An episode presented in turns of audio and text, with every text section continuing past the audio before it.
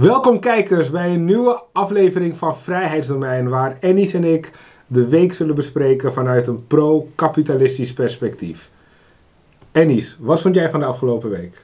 Ja, het was een eh, leuke week. Ik ben eh, naar de kapper geweest, zoals jullie allemaal kunnen zien. De kapper is een beetje uitgeschoten, heeft mijn haar heel kort gemaakt. Maar jij bent natuurlijk niet geïnteresseerd in mijn haar. Nee, wat Nee, het deed me deugd om te zien dat de video best wel, ja, wel aandacht heeft gehad en er veel reacties zijn gekomen. En het leukste wat ik eigenlijk vind aan lezen van de reacties, is dat er mensen zijn die zeggen, wow, ik heb echt nieuwe dingen opgepikt. En ja, dat doet me altijd goed. Daar doen we het eigenlijk ook voor, om ook door onze visie mensen een nieuwe kijk te geven op een, ja, op een bepaalde situatie. Maar wat voor mij wel duidelijk werd, wat ik nog even kort zou willen zeggen, is dat ja, er zijn toch nog wel echt heel veel misverstanden.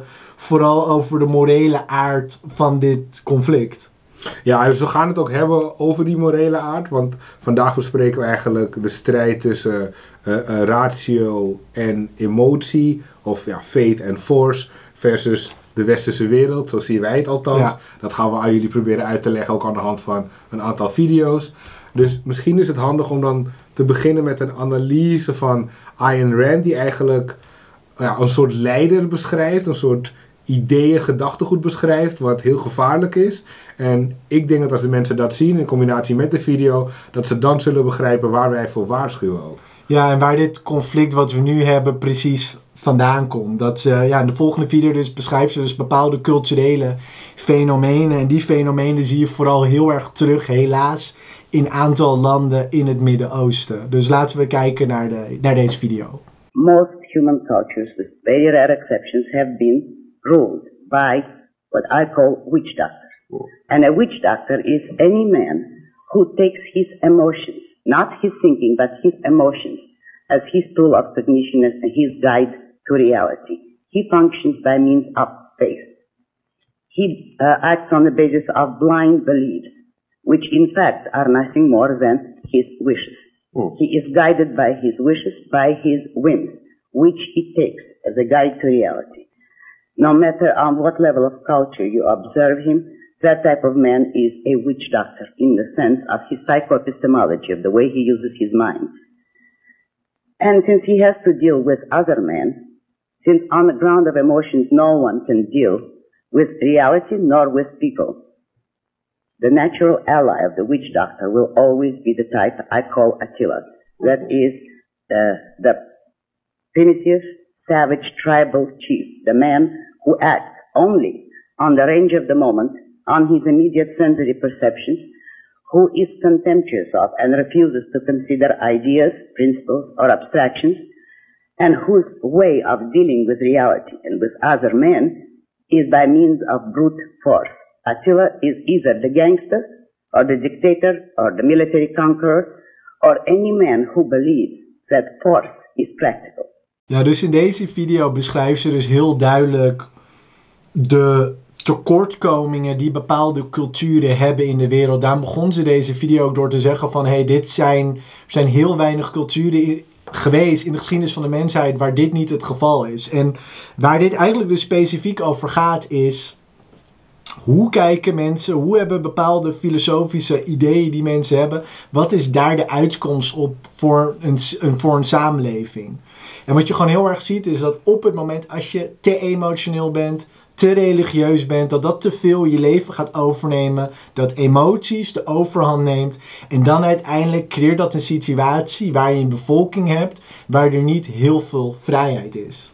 Ik weet nog dat toen ik deze essay, want het komt natuurlijk van een essay, voor het eerst las. Ik vind het haar beste essay dat ik ja, zo bijna in shock was voor hoe accuraat uh, de beschrijving was. En dat ik ook soms in Nederland soms aspecten terugzie van deze strijd. Of soms in Amerika. Ik denk gewoon dat het bijvoorbeeld in de Arabische wereld en nog een paar andere gedeeltes van de wereld het nog sterker is. Omdat bijvoorbeeld de rol van religie daar nog groter is mhm. eh, dan het is in Nederland. Maar dit is iets wat over de hele wereld zich manifesteert.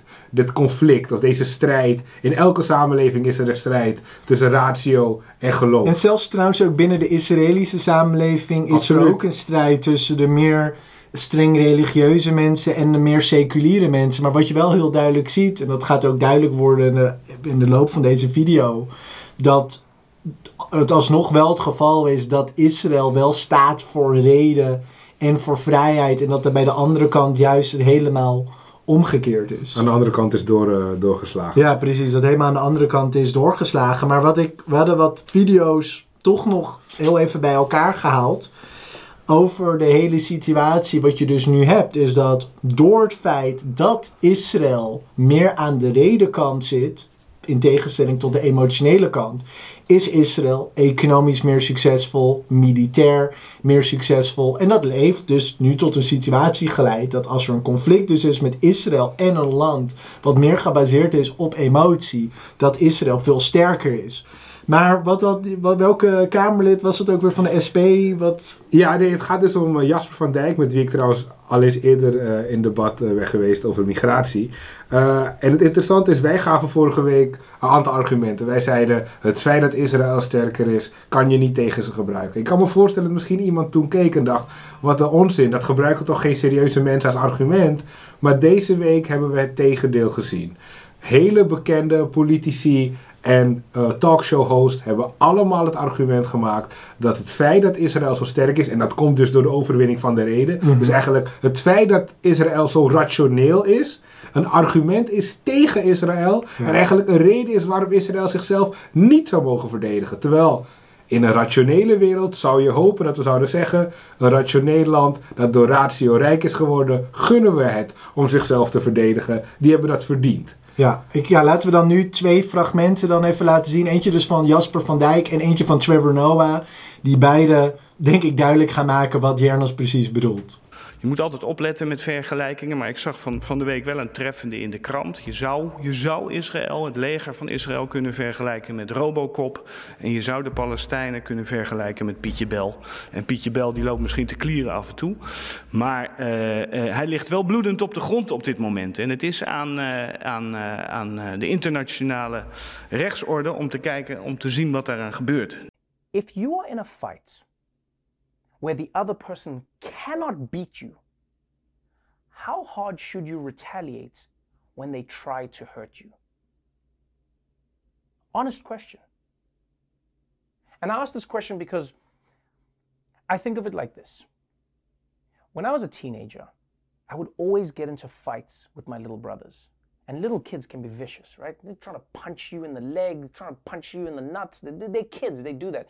But my mom would say to me, whenever I get angry, she'd go, Trevor, don't hit the kid back because they can't hurt you. You're a teenager and the kid is four. And I was like, yeah, but the kid is hitting me. He could hurt me. But my mom was like, yeah, but you're also so much bigger than the kid. You can crush him in an instant. Dus ja, sowieso echt de eerste video van Jasper van Dijk. Ja, ik vind het echt belachelijk hoe je Hamas kan vergelijken met Pietje Bel. Dan hebben we het echt letterlijk over een land, maar daar komen we straks ook weer op terug, die ongelooflijk veel geweld probeert te gebruiken tegen Israël. En ja, jij had ook nog gedachten over Trevor Noah. Of ja, je wordt er bijna stil van, ja, kijk, het ongelooflijk is. Het bizarre is dat het is dus niet dankzij Hamas dat er zo weinig slachtoffers vallen. Het is ondanks Hamas dat er zo weinig slachtoffers vallen. Dat wil zeggen, Israël bestrijdt hen op ieder front. Houdt hen in de gaten. Uh, vermoordt hun leiders. Ik bedoel, als dat allemaal niet zou gebeuren, zouden er uiteraard veel meer Joden in Israël sterven. Dus dit is totale waanzin. Het is gewoon bedoeld om geweld te bagatelliseren. Het is het hele idee wat we vorige week aanhaalden van de underdog die per definitie de sympathie moet ontvangen. Want lijken tellen is een manier om tot een moreel oordeel te komen. Mensen die dat doen zijn niet intelligent en zijn niet integer. Dat geldt dus ook voor Jasper van Dijk en ook voor Trevor Noah. Belachelijk idee. Want ja, zelfs tegen een kind mag je je verdedigen. Als een kind jou op straat slaat, heb jij het recht dat kind van je af te werpen. Als het kind op straat een pistool op je richt, mag je dat kind neerschieten. Ja, zo werkt het nou eenmaal. Of je nou een kind bent, of je nou klein bent. Als jij dodelijk gevaar vormt voor een ander, dan mag die ander zich tegen jou verweren. Ja, maar wat ik, nou, ik, wat ik eigenlijk heel erg vind aan deze video's, is dat zij net doen alsof Hamas geen schade kan aanrichten. Klopt, dat het op zo'n level bijna wordt gegooid. En daarom zou ik graag de volgende video aan jullie willen presenteren. Weten natuurlijk allemaal wel dat Hamas heel veel raketten op Israël afschiet. Maar laten we even naar de volgende video kijken om te kijken of er heel veel Pietje Bels binnen Hamas... Mochten er nog misverstanden zijn over de intenties van Hamas en of ze oprecht eh, doelen willen raken met hun raketten, bekijk deze video.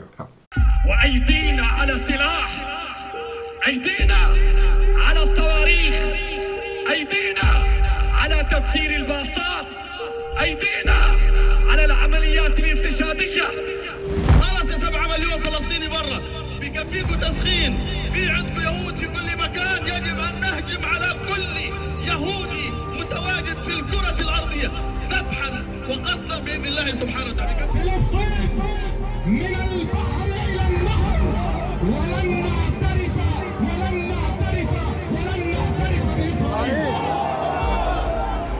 عليك باليهود ومن والاهم. اللهم عليك بالأمريكان ومن والاهم. اللهم أحصهم عددا واقتلهم بددا ولا تغادر منهم أحدا. وبدنا إياكم يا أهل القدس بالسكاكين. امعطوا رقاب اليهود. كلها يتقف على العرق من هان. أما نحن هنا في غزة فلن يلقوا منا إلا البارود والنار.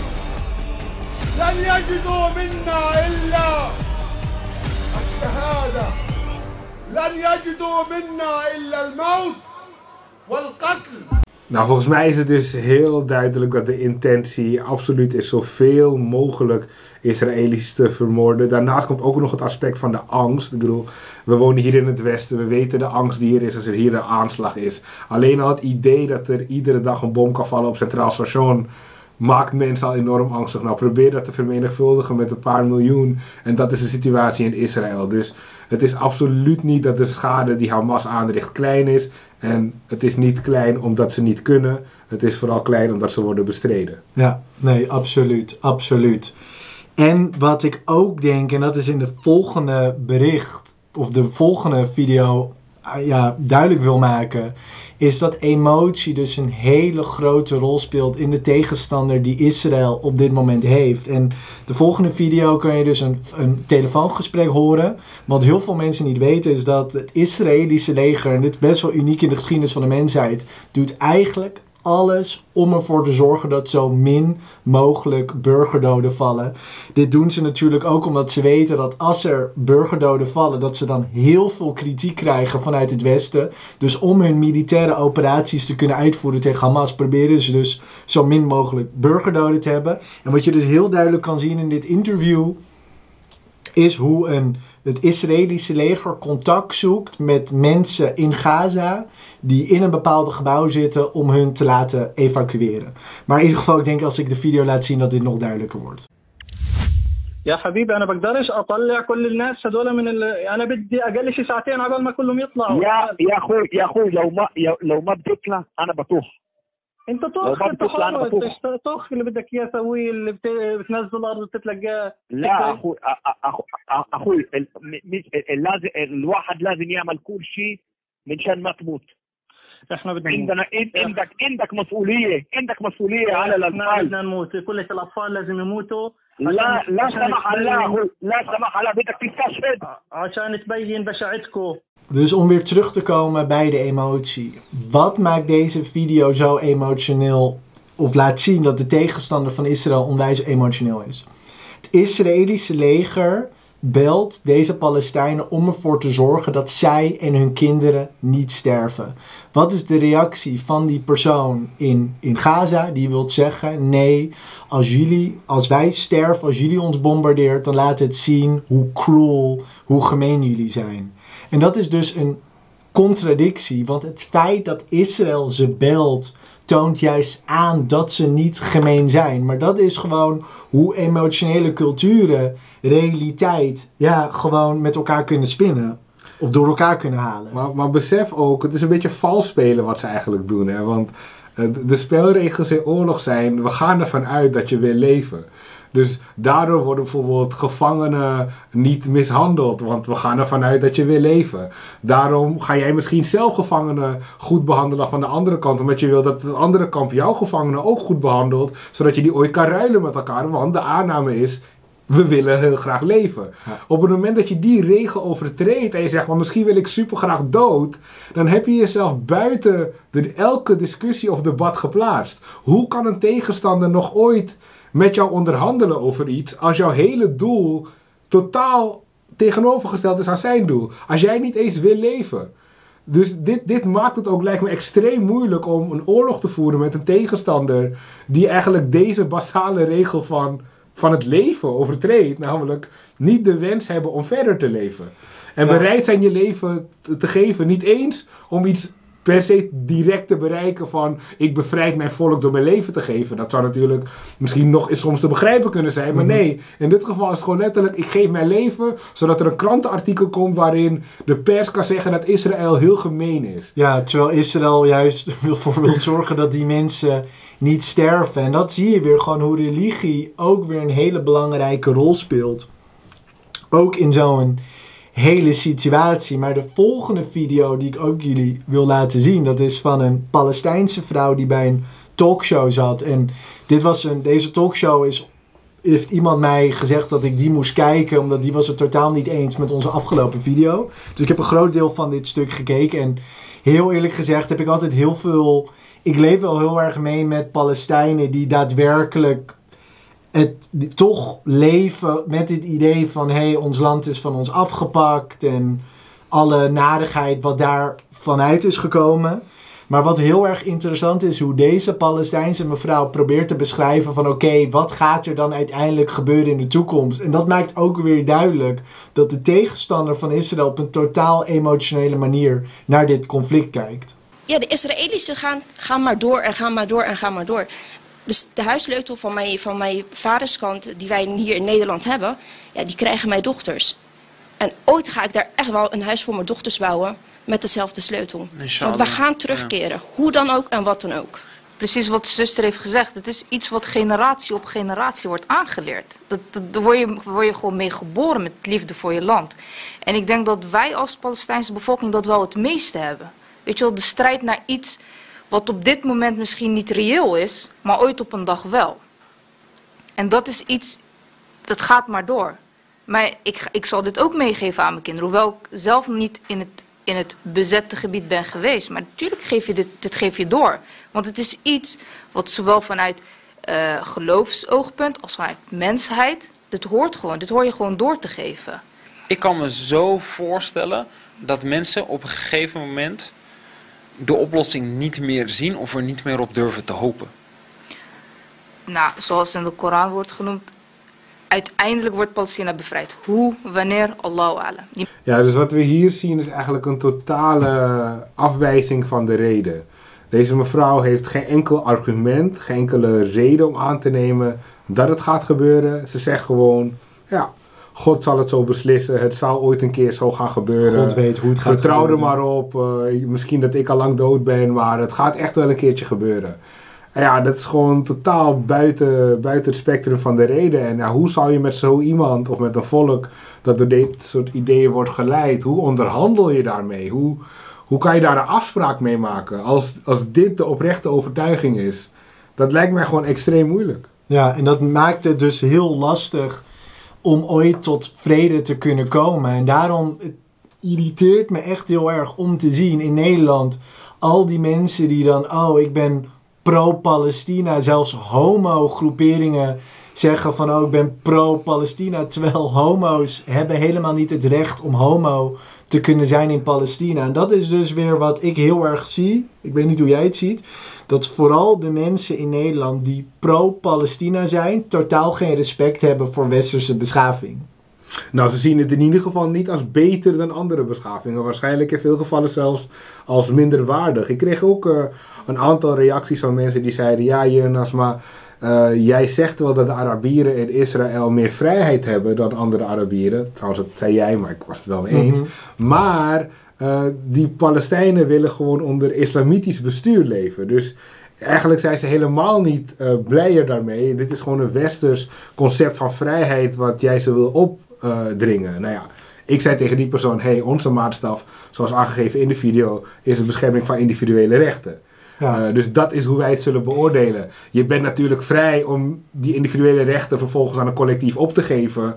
eh, als je dat super graag wilt. Maar dat is niet hoe wij ernaar kijken. Maar ik denk dat dat ook relevant is voor de, eh, de komende video van Younes Ouali. Want die spreekt eigenlijk een beetje vanuit hetzelfde idee. Ja, wat heel veel Younes Ouali, die heeft dus een aantal jaren geleden gezegd van... hey, is het niet een goed idee om Israëlische toeristen allemaal in elkaar te slaan? Dan zie je ook weer de racistische, collectivistische gedachten die heel veel van die mensen hebben. Dat, oh, er is geweld geweest tegen Palestijnen. Oh, dan moeten we Israëlische toeristen in elkaar slaan.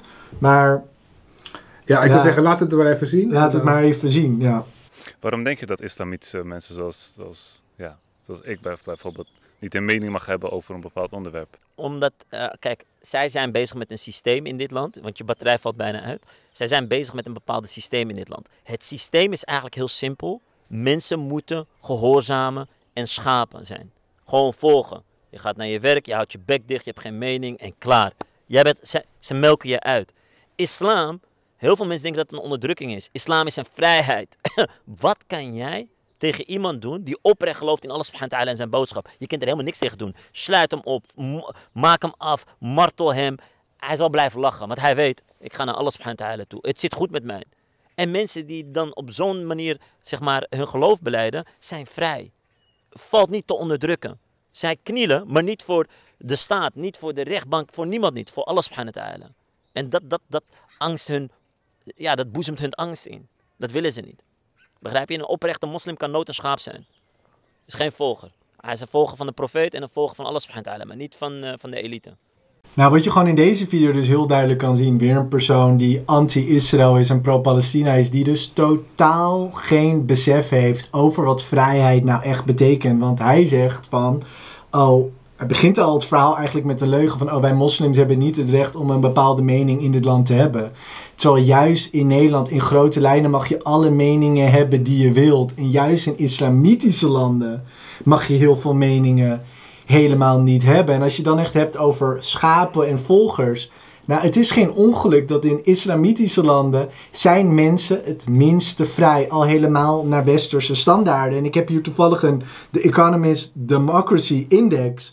En dan kan je dus zien van oké, wat is de inspraak wat landen, burgers kunnen hebben op hun eigen bestuur. En dan zie je bijvoorbeeld dat land als Noorwegen staat op nummer 1, Nederland staat op nummer 10, Israël staat dan op plaats 28, wel boven landen als bijvoorbeeld België en Italië. Maar als je dan verder kijkt en je gaat kijken van oké, hoeveel inspraak hebben moslims op hun eigen bestuur, dan hebben we alleen een heel klein lichtpunt van Tunesië, een land wat probeert nu een democratie te worden naar de Arabische lente. Maar als je verder kijkt, dan zie je dat eigenlijk bijna alle islamitische landen, inclusief Palestina, staat op plaats 114 van deze hele, hele index. Dan zie je dus dat alle islamitische landen, dat je daar dus heel weinig vrijheid hebt.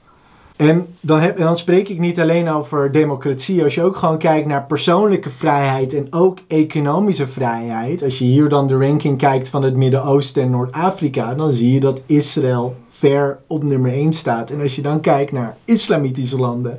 Dan zijn ze daar helemaal niet vrij. En als je hier kijkt in deze lijst. Dan zie je bijvoorbeeld Europese landen die erbij komen. En dan zie je dat daar veel meer persoonlijke en economische vrijheid heerst. En met persoonlijke vrijheid bedoelen ze in deze context heb je vrijheid van meningsuiting en al dat soort dingen. Dus het is heel grappig dat zo'n Younes Ouali, die dus het privilege heeft om op te groeien in Nederland. Ik kan spreken uit ervaring. Al mijn familieleden in Marokko zouden niks lievers willen dan naar Nederland te komen. Dat hij op zo'n rare manier afgeeft door te zeggen van... oh, in Nederland zijn ze bang voor ons omdat wij moslims... zij hebben een soort van vrije geest. Terwijl juist in islamitische landen zijn ze het meest onderdrukt. Wereldwijd. Ja, en dus het is een heel ander eh, concept van vrijheid. Hij bedoelt met vrijheid een soort religieuze vorm van overtuiging in, in een bepaalde waarheid. En dat ben je natuurlijk vrij in om dat voor jezelf te hebben. Alleen als je met de rest van de wereld eh, ja, communiceert of moet, eh, moet dealen, Dan is het gewoon niet zo bruikbaar. Zeker Niet in, zeker niet in Nederland, want wat moeten we ermee? Ja, zeker. Eh, dus weet je, dit is een beetje vervelend. eh, in de zin van, als die Ouali naar een land wil waar ze zo leven, zou je hem dat op zich best gunnen. Alleen het probleem van al die landen is dat zij noemen dat, die vorm van volgen vrijheid. Maar ze beperken al die andere vrijheden die wij als vrijheden zouden beschouwen. Dus dat is inderdaad de grote paradox. En dat is die botsing der beschavingen die ja, in Israël en Palestina zeg maar echt volledig tot wasdom komt. Ja, dus die heel duidelijk weer kan terugzien. En dan zou ik heel graag nu een ander bericht willen bespreken van Jerry Afriye. En dat is ook weer dus een voorbeeld van iemand die totaal geen respect heeft voor de westerse beschaving, waar ik later ook weer even op terugkom. En die ook weer pro-Palestina is. En hij had een best wel interessant bericht op zijn Facebook-page, waar ook weer uit blijkt hoe emotioneel dit soort types naar de wereld kijken. Dus hij had het volgende te zeggen: Ik ben gezakt voor het HAVO-eindexamen, maar geslaagd voor levenslessen. Leerlingen moeten uitleggen wat er na 1945 in de buitenlandse politiek is veranderd, waardoor Nederland mede-oprichter van de NAVO werd. Het correctievoorschrift spreekt over het loslaten van de vooroorlogse neutraliteitspolitiek dankzij de dreiging van het communisme.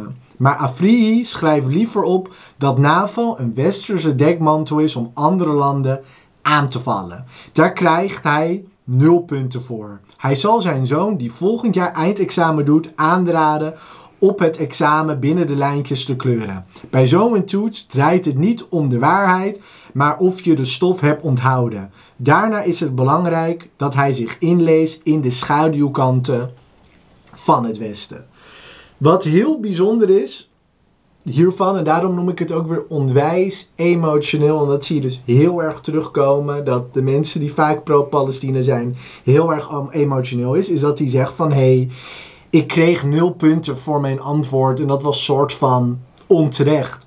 Maar het antwoord wat hij heeft gegeven klopt ook niet. Het NAVO is niet opgericht als een soort van westerse dekmantel om andere landen aan te kunnen vallen. NAVO is een verdedigingspact. NAVO is gecreëerd in 1949 en de eerste 43 jaar van het bestaan van NAVO zijn zij niet eens verwikkeld geweest in een militair conflict. Het eerste militaire conflict waar de NAVO verwikkeld mee raakte was met de oorlog die er was in Joegoslavië in de jaren 90, wat wat ze deden omdat daar genocide plaatsvond, allemaal religieuze oorlogen er waren. Daarna hebben we natuurlijk 9-11 gehad en dat was eigenlijk de eerste militaire missie die NAVO had gedaan tegen Afghanistan. Maar destijds kreeg NAVO ook support van zelfs landen als Iran, Rusland en India. En we hebben natuurlijk de no-fly zone gehad in Libië. Maar daar werkte de NAVO ook samen met landen als Zweden, de Emiraten en Qatar. Dus hij gebruikt dus, dus als voorbeeld van... hey, kijk hoe het onderwijs fucked up is. Dat ook om sommige redenen ook fucked up is. Maar dan geeft hij het voorbeeld van de NAVO als westerse dekmantel... terwijl het niet zo is. En dat, ja, dat... Ja, wat kan ik zeggen? Dat toont voor mij weer aan hoe ver deze mensen dus van de realiteit staan. Als je zo een voorbeeld gaat gebruiken, terwijl je voorbeeld is niet eens waar. Ja, ik wil hier een paar dingen over zeggen. Kijk, eh, ten eerste denk ik dat er enorm wordt onderschat hoe onder allochtonen eh, leugens, vooral over buitenlands beleid en oorlogen uit het verleden, heel makkelijk ja, worden opgepikt. Uh, en dat heeft niet per se met islam te maken. Dat is iets wat ik bij meerdere allochtonen heb gemerkt. Dat soort leugens zijn eigenlijk als het ware makkelijker aan te verkopen dan misschien de leugen dat Nederland volledig racistisch is. Maar gewoon mensen zijn heel snel geneigd dingen te geloven als oh ja, en toen heeft de NAVO dat gedaan en daarom hadden we toen die oorlog. Van die hele makkelijke verklaringen. Nog een tweede punt. Uh, betrokkenheid van de NAVO in Joegoslavië was zeer controversieel die ingreep, het was toen ook, in de hele wereld was er zoiets van, hé, hey, is het wel de bedoeling? Tot de dag van vandaag zijn er NAVO-landen die er spijt van hebben of vonden dat het niet zo had gemoeten. Dat was echt een enorme breuk. Het was niet zo van, oh, de NAVO gaat nu even deze oorlog meedoen. Dat was een enorme beslissing onder enorme druk. Ook van, uh, volgens mij was het Clinton in die tijd, hebben ze dat toen gedaan. En ook alleen omdat ze dachten dat er sprake was van genocide in Europa. En dat heeft natuurlijk een, een speciale gevoelige plek voor al die landen die deelnemen aan de NAVO. Dus zelfs die beslissing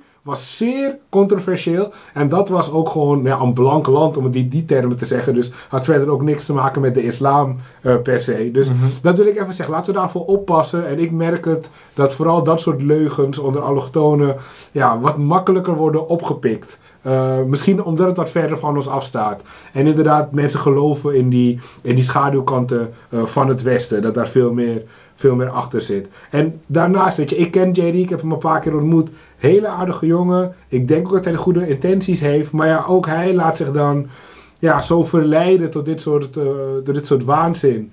En eh, ja, het, het antwoord is gewoon niet goed. Het heeft niks te maken met emotie. Eh, je moet gewoon je zoon leren wat het goede antwoord is. Ja. Dat is eigenlijk de juiste oplossing. En ik wilde ook nog even de botsing der beschavingen eh, ook verplaatsen naar andere plekken op de wereld. Weet je, het is, nu hebben we het over het Midden-Oosten, omdat het nu actueel is. En natuurlijk een van de grootste conflicten is waar twee van de drie grote um, Abrahamitische geloven bij betrokken zijn. Maar als we kijken naar India, Pakistan, zou je ook kunnen zeggen, het is daar reason tegen force. Uh, niet volledig, maar je, je zou kunnen zeggen dat er een wat rationeler bestuur is in India versus dat in Pakistan. Maar nog veel beter is Noord versus Zuid-Korea. Mhm. Dat is natuurlijk een perfect voorbeeld van een land totaal gedreven door waanzinnigen. En gewoon een vrij volwassen, eh, relatief kapitalistisch, welvarend land dat tot op grote hoogte individuele rechten En exact hetzelfde volk, hè? Dat is ja, ook, eh, nog eens. ja. Totaal homogene volkeren. We kunnen Hongkong, China doen. We kunnen Oost-Berlijn, West-Berlijn. Ja. Dus er zijn meerdere... Oostenrijk, Hongarije. Oost-. Er zijn meerdere instanties waar deze botsing zich eh, zo eh, manifesteert. Van reden tegenover geweld of tegenover geloof. Dus het gaat nu over het Midden-Oosten, maar dit is een strijd die eigenlijk in ieder land woedt. En soms zien we gewoon kleine eh, eh, ja, glimmers ervan op de wereld die onze aandacht trekken, waardoor het interessant is om dat eruit te lichten. Maar dit is een wereldwijde strijd eh, waar wij het over hebben. Maar ook een strijd die wij intern ook beginnen te verliezen. Omdat er dus geen concept is voor wat westerse beschaving daadwerkelijk betekent. Krijg je dus ook een situatie waar een Kamerlid niet eens. Die, dat een Kamerlid letterlijk kan zeggen van nou Israël kan zich niet verdedigen. Want de andere partij is een soort van Pietje Puk. Of een Pietje Bel. Wat was Pietje het nou? Bel, ja. Pietje Bel. Pietje Puk is iets, is iets nog onschuldiger. Puk van de pettenfles bedoel je? Piet Puk van de Petterflat, ja. Nee, precies. Maar dat is dus de situatie waar we dus nu in zitten. En daarom denk ik dat het zo belangrijk is voor mensen om ook Ayn Rand te lezen of andere vrije marktdenkers die toch de westerse beschaving voor ons duidelijker kunnen maken. En dat is ook iets wat ik ook denk wat Nederland zich zo ook, zouden moeten aantrekken. Want als je bijvoorbeeld weer hebt over die Yunus Ouali. Hij heeft, hij is jarenlang fulltime naar Nederlandse publieke scholen gegaan. En blijkbaar in al die jaren heeft Nederland hem niet geleerd wat de westerse beschaving nou precies is. Zelfs ook met Afrihi. En dan wil ik niet zeggen dat, oh, er zijn geen schaduwkanten van het westen. Natuurlijk, het westen heeft heel veel kwaadaardige dingen gedaan in het verleden. Als je het westen zou kunnen beoordelen als collectief. Dus dat is niet hetgeen wat ik probeer te zeggen, maar wel dat we respect hebben en begrijpen van oké, wat heeft onze samenleving zo succesvol gemaakt? Wat zijn de goede dingen? Wat zijn de minder goede dingen waar we afstand willen nemen? Maar ja, je ziet ja, echt de opkomst van een soort van anti-westerse mentaliteit. En ik denk dat je dat ook heel duidelijk kan zien in hoe mensen, de reflex die mensen hebben met het conflict tussen Israël en Palestina. Waar je ook heel erg ziet, is ook iets wat me zo erg stoort. Mensen die dan zeggen, ik kies geen kant. Ik ben neutraal. Dat is ook gewoon dat, dat scepticisme wat er heerst in onze samenleving. Waar we eigenlijk dus dingen niet meer durven te beoordelen. Ja, uit, uit mijn hoofd haal ik een Rent-citaat naar boven. Dat ze volgens mij zei: Als je neutraal bent in de strijd tussen eh, ratio en barbarij, dan sta je aan de kant van de barbaar. Ja. En dat is eigenlijk waar het op neerkomt. Als jij neutraal bent in een situatie waar een absolute onderscheid kan worden gemaakt, dan ben jij de partij aan het helpen die het het slechtst voor heeft. Ja. Want die profiteert het meest van jouw neutraliteit. Want met jouw neutraliteit verleen jij die partij een bepaalde legitimiteit. Namelijk, je hebt half gelijk. Of Ja. ik kan niet zeggen dat je ongelijk hebt. In ieder geval, je tegenstander heeft geen gelijk. Nou, Mhm. Dat is wat zulke partijen nodig hebben. Dat is waar zulke partijen van leven. Dat is hoe organisaties als Hamas eh, Sigrid Kaag zo ver kunnen krijgen om hun continu geld te blijven opsturen. Is dat nou echt zo? Want ik zie dat wel elke keer zo voorbij komen. Is dat echt zo, Jernas, Nou, gaat- Kaag dat heeft gedaan? Nou, er gaat gewoon wel geld naar de Palestijnse autoriteit. En daar worden heel veel vragen over gesteld. Er was laatst zelfs eh, een, een, een Israëlisch meisje, volgens mij vermoord, slachtoffer geworden van een eh, terreurdaad. En toen bleek inderdaad dat er ergens een lijn te vinden was, een financiële lijn, Mhm. met Nederland. Mhm. Dat wil dus niet zeggen dat Nederland het wist van tevoren of dat dat een vooropgezet doel was. Maar dat is natuurlijk het risico wat je neemt als je geld stuurt naar de Palestijnse autoriteit en je dat niet volledig na kan gaan, loop je altijd het risico dat je ja, terreur financiert. Mhm. En ja, dat kan alleen maar in stand worden gehouden doordat heel veel mensen neutraal zijn. Mhm. En, Ja. dat, eh, en dat is gewoon een, eh, een ernstig probleem. Dus ja, dat, dat is een beetje, denk ik, het punt van deze video om mensen te wijzen op deze kijk op het conflict. Mhm. Weet je, je kan natuurlijk zeggen het is Jodendom tegen islam. Dat vinden wij niet heel doeltreffend voor, om, voor de analyse. Mhm. Weet je, je kan zeggen het is rijk tegen arm. hmm, dekt ook niet echt de essentie. Dit is volgens ons en volgens Ayn Rand de essentie. Dus daarmee hopen we jullie ja, te inspireren of in ieder geval te verleiden om toch proberen dit eh, perspectief beter te bekijken. En ja, misschien zijn jullie het wel met ons eens. Ja, en dat is ook wel het laatste punt wat ik nog graag zou willen maken. Dat is ook iets wat me ook een beetje stoort als, ja, ik ben ook van Arabische afkomst, is dat op het moment, want ik zie ook racisme aan de andere kant, zie ik ook heel erg duidelijk, waar ook op een emotionele manier een groep in één keer wordt weggezet. Dat als er een een of andere demonstratie is, en in zo'n demonstratie heb je dan een groep Marokkaanse jongens of Turkse jongens die zich dan een beetje misdragen en anti-Israëlische, anti-Joodse leuzen roept. Dat het dan heel snel is van, oh kijk, de integratie is mislukt. Kijk dat zooitje, het paard van Troje. Zeg maar, die gedachten, dat gaat ons uiteindelijk ook niet helpen om als samenleving dichter bij elkaar te komen. Want dan doet uiteindelijk die, de tegenstander dan doet eigenlijk hetzelfde als waar we Hamas dan voor betichten. Van op een collectivistische manier hatelijk kijken naar een andere groep. Oké, maar Ja, vertel me dan, hoe zou iemand daar dan wel naar moeten kijken? Wat vind jij een eerlijke inschatting als iemand inderdaad op straat loopt of op naar tv kijkt en hij ziet daar een groep jongens eh, Israëlische vlaggen verbranden? Ik noem even wat. Wat vind jij dat de meest rationele duiding daarvan zou zijn voor, laten we zeggen, een, doors, een doorsnee Nederlander die gewoon naar het journaal kijkt? ja dat is... Wat zou jullie hun willen meegeven om ze niet eh, helemaal in dat collectivistische gedachtegoed te laten verder gaan? Nou ja, dat je dus altijd in je achterhoofd moet houden dat in wat voor gemeenschap er ook is, dat er heel veel diversiteit is. Wat ik denk, ik heb zelf, voel ik mij onderdeel van de Nederlandse samenleving. Ik heb niet zo'n soort van identiteitscrisis wat heel veel allochtonen hebben. Maar wat ik merk of het idee heb, wat moet een allochtoon doen om bij Team Nederland te kunnen horen? Hmm. En dat is heel erg onduidelijk, denk ik, voor heel veel mensen. Van wanneer hoor je er nou echt bij? En door het feit dat ik denk dat we dat niet duidelijk hebben gedefinieerd, ook naar mensen met een buitenlandse afkomst, op het moment als ze dan horen, als ze dat dan zien, die haat van sommige Nederlanders aan een bepaalde groep radicale mensen die dan heel erg anti-Israël zijn, dan duwt het hun nog verder weg van de Nederlandse samenleving. Maar hier komen we weer tot, tot het punt van de video. Want de reden dat er geen duidelijkheid is, de reden dat toen bijvoorbeeld tegen de gastarbeiders werd gezegd: jullie mogen blijven, los van wat je ervan vindt. Mhm. Maar laten we zeggen, je beslist dat. De reden dat er toen geen duidelijk verhaal kwam: hey, dit is het Westen, dit is hoe we het hier doen, dit moet je accepteren, anders ben je niet welkom. Dat komt omdat het Westen zelf zijn eigen vrijheden niet waardeert. Nee, klopt. Dus, dus die twee staan niet los van elkaar. Dus wij willen proberen eh, als, laten we zeggen, allochtonen die gewoon houden van Nederland, maar die ook onze eigen groep kennen, laten we het Mhm. zo zeggen. Zouden wij graag willen zien dat die kampen wat dichter bij elkaar komen, dat zeggen de rationele actoren binnen die kampen. En zo toch proberen, ja, Een mooi, een mooi team Nederland te toch maken. mo- een iets mooier land ervan te maken. Want ja, de rationele mensen gaan het onderling toch moeten oplossen. Ja. Dat, We zijn tot elkaar veroordeeld, mensen. we zijn uiteindelijk tot elkaar veroordeeld. Facts, Nou, eh, ja, facts don't care about your feelings. Facts don't care about your feelings. Dus, nou ja, dan denk ik...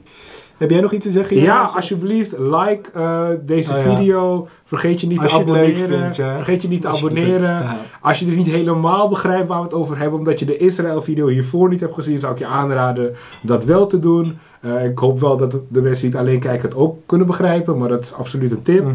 En ja, deel het misschien met je vrienden. Kijk of zij het ook interessant vinden. En eh, we hebben nu bijna 500 abonnees. Nou, dat ziet er goed uit. Ja, prachtig. En we willen gewoon nu door naar de 1000 en natuurlijk nog veel hoger. Ja, en nog iets. Als je er ook tips hebt, als er iets is wat jij opvalt in het nieuws, stuur ons alsjeblieft een berichtje naar onze social media. We hebben geen redactie. En dat helpt ons uiteindelijk ook om een nog mooiere show te kunnen maken, waar we een vredige, rationele wereld kunnen creëren. Nou, dan denk ik dat we aan het einde zijn gekomen. In ieder geval tot de volgende keer en eh, ja, fijn weekend. Fijn weekend. Dag.